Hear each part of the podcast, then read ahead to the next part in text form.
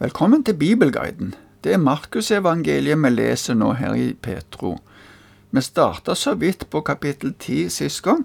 Det siste avsnittet vi leste, handla om ekteskapet. Vi gikk ikke så grundig inn i den teksten, og jeg vil heller ikke nå kommentere så mye mer om det. Bare vise det at for Jesus var poenget at det som Gud hadde sammenføya, skulle ikke et menneske skille. Det står i vers 9 i kapittel 10. Disiplene spurte Jesus etterpå hva han mente med dette. Den måten Markus beskriver dette på, skulle være forståelig for et romersk publikum. For jøder var det ikke vanskelig å forstå Jesu ord. Kanskje det ikke er like klart for oss i vår tid. Men uansett ser vi at Jesus holder fram ekteskapet som Guds ordning. Men nå går vi videre i Markusevangeliet. Vi skal lese et avsnitt der Jesus velsigner små barn. Det var vanlig i jødisk tradisjon at prominente personer velsigna barn, men det var kanskje først og fremst etterkommere av disse personene. Det kan allikevel være et uttrykk for at de ønska at barnet skulle ha kontakt med den som velsigna, og i dette tilfellet var det Jesus. Foreldrene som kom med barna, hadde tydeligvis tillit til og så opp til Jesus, men nå skal vi lese teksten fra vers 13 til 16 i kapittel 10. De bar små barn til ham for at han skulle røre ved dem, men disiplene viste dem bort. Da Jesus så det, ble han sint og sa til dem, La de små barna komme til meg, og hindre dem ikke for Guds rike tilhører slike som dem.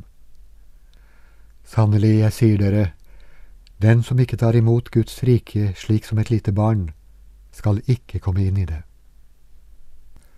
Og han tok dem inn til seg, la hendene på dem og velsignet dem.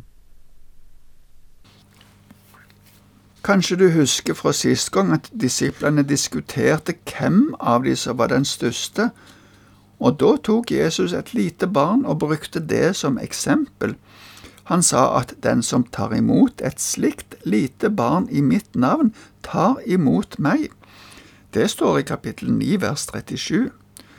For Jesus har også de små barna stor verdi. Vi som er voksne, kan lære av barna, for de har lett for å vise tillit. Barn viser oppriktighet og iver men er også avhengige av foreldrene. Slik skal vi òg være avhengige av vår far og oppriktige, tillitsfulle og ivrige i vårt forhold til Han. Dette er kvaliteter for en som vil være disippel av Jesus. Disiplene så ikke på barna som viktige, men da ble Jesus sint på dem. Jesus tok barna inntil seg. I en annen oversettelse står det at han tok dem på fanget, men uansett viste Jesus omsorg og kjærlighet mot disse barna. Det neste avsnittet handler om en rik mann som kom til Jesus med spørsmål om hva han skulle gjøre for å arve det evige livet. Vi skal lese ifra vers 17 til 22. Da Jesus skulle dra videre, kom en mann løpende, falt på kne for ham og spurte, Gode mester, hva skal jeg gjøre for å arve evig liv? Men Jesus sa til ham, Hvorfor kaller du meg god? Ingen er god uten én, det er Gud. Du kjenner budene. Du skal ikke slå i hjel, du skal ikke bryte ekteskapet, du skal ikke stjele, du skal ikke vitne falskt, du skal ikke bedra noen, hedre din far og din mor.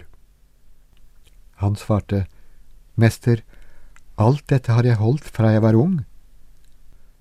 Jesus så på ham og fikk ham kjær og sa, Én ting mangler du. Gå bort og selg alt du eier, og gi det til de fattige. Da skal du få en skatt i himmelen. Kom så og følg meg. Men han ble nedslått over dette svaret og gikk bedrøvet bort, for han eide mye. Det at denne mannen tiltaler Jesus som gode mester, trenger ikke bety mer enn at det var en høflig og formell tiltale til en religiøs lærer, men Jesus tok opp denne hilsenen og spurte hvorfor han kalte han for god. Hva han mente med dette uttrykket? Det er bare Gud som er virkelig god, men nå hadde denne mannen kommet til en som virkelig var god, sjøl om han sikkert ikke forsto det sjøl. Bare en liten avsporing før vi går videre. Vi har også lett for å bruke ord som er sterkere enn det vi egentlig mener. Når vi får spørsmålet 'Hvordan har du det?', så sier vi ofte 'takk, bare bra' eller 'bare godt'. Men så er ikke alt godt alltid. Men den tanken må vi bare la ligge der. Men kanskje vi skal tenke litt mer over de ordene som vi bruker. Likevel ga Jesus et svar på spørsmålet fra denne mannen. Etter Moseloven var det en del bud som de skulle holde for å bli akseptert av Gud, og Jesus henviser til dette. Mannen mente han hadde holdt det, men Jesus viser at han hadde nok satt sin lit til sin rikdom mer enn til Gud. Han innså at det ble et for stort offer, og så gikk han bedrøvet bort ifra Jesus. Etter dette forklarte Jesus litt til disiplene om farene ved rikdommen. Det leser vi om i fortsettelsen fra vers 23 til 31. Og Jesus så seg omkring og sa til disiplene, Hvor vanskelig det blir for dem som eier mye, å komme inn i Guds rike. Disiplene ble forferdet over ordene hans. Men Jesus tok igjen til orde og sa, Barn, hvor vanskelig det er for dem som stoler på rikdom, å komme inn i Guds rike. Det er lettere for en kamel å gå gjennom et nåløye enn for en rik å komme inn i Guds rike. Da ble de enda mer forskrekket og sa til hverandre, Hvem kan da bli frelst? Jesus så på dem og sa, For mennesker er det umulig, men ikke for Gud. Alt er mulig for Gud. Da tok Peter til orde og sa, Hva med oss? Vi har forlatt alt og fulgt deg.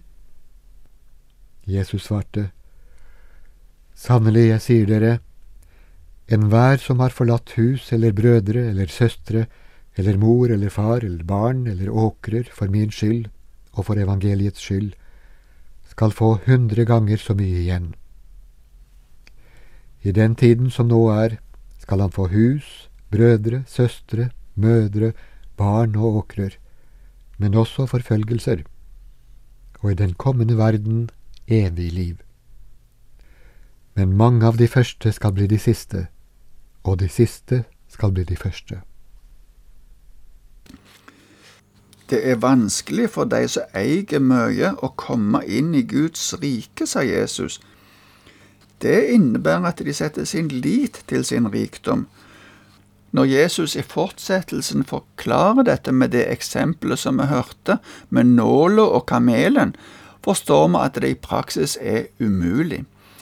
Det er umulig også for den som eier lite, for i begge tilfellene betyr det at vi er avhengig av Guds nåde for å komme inn.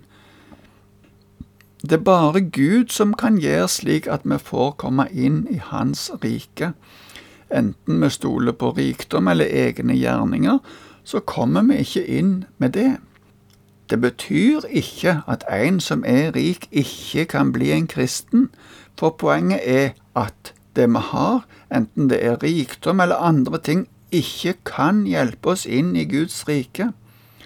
Men så sier Jesus etterpå at alt er mulig for Gud. Men så ser vi at Peter tar ordet han og de andre disiplene hadde forlatt fiskebåten og alt de hadde, for å følge Jesus.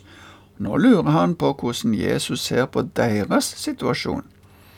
De hadde nok gitt avkall på en del for å følge Jesus, men vi ser at både Peter og de andre hadde kona fremdeles mange år etter at Jesus var død. Men tross alt ofra de mye for evangeliets skyld. Jesus lover stor belønning, både i tida som er nå, og etterpå vil de få evig liv. Men han legger òg til at i tida på jord må de forvente forfølgelser. I forbindelse med dette er det bare Markus som nevner at forfølgelsene vil komme. Men det var en situasjon som leserne i Roma var godt kjent med.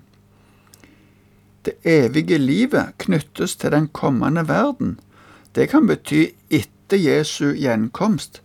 Da vil det bli en belønning som ikke kan sammenlignes med noe annet, men det blir et evig liv i Guds nærvær. Så kommer det en setning som Jesus sier flere ganger i evangeliene. Mange av de siste skal bli de første, og de første skal bli de siste.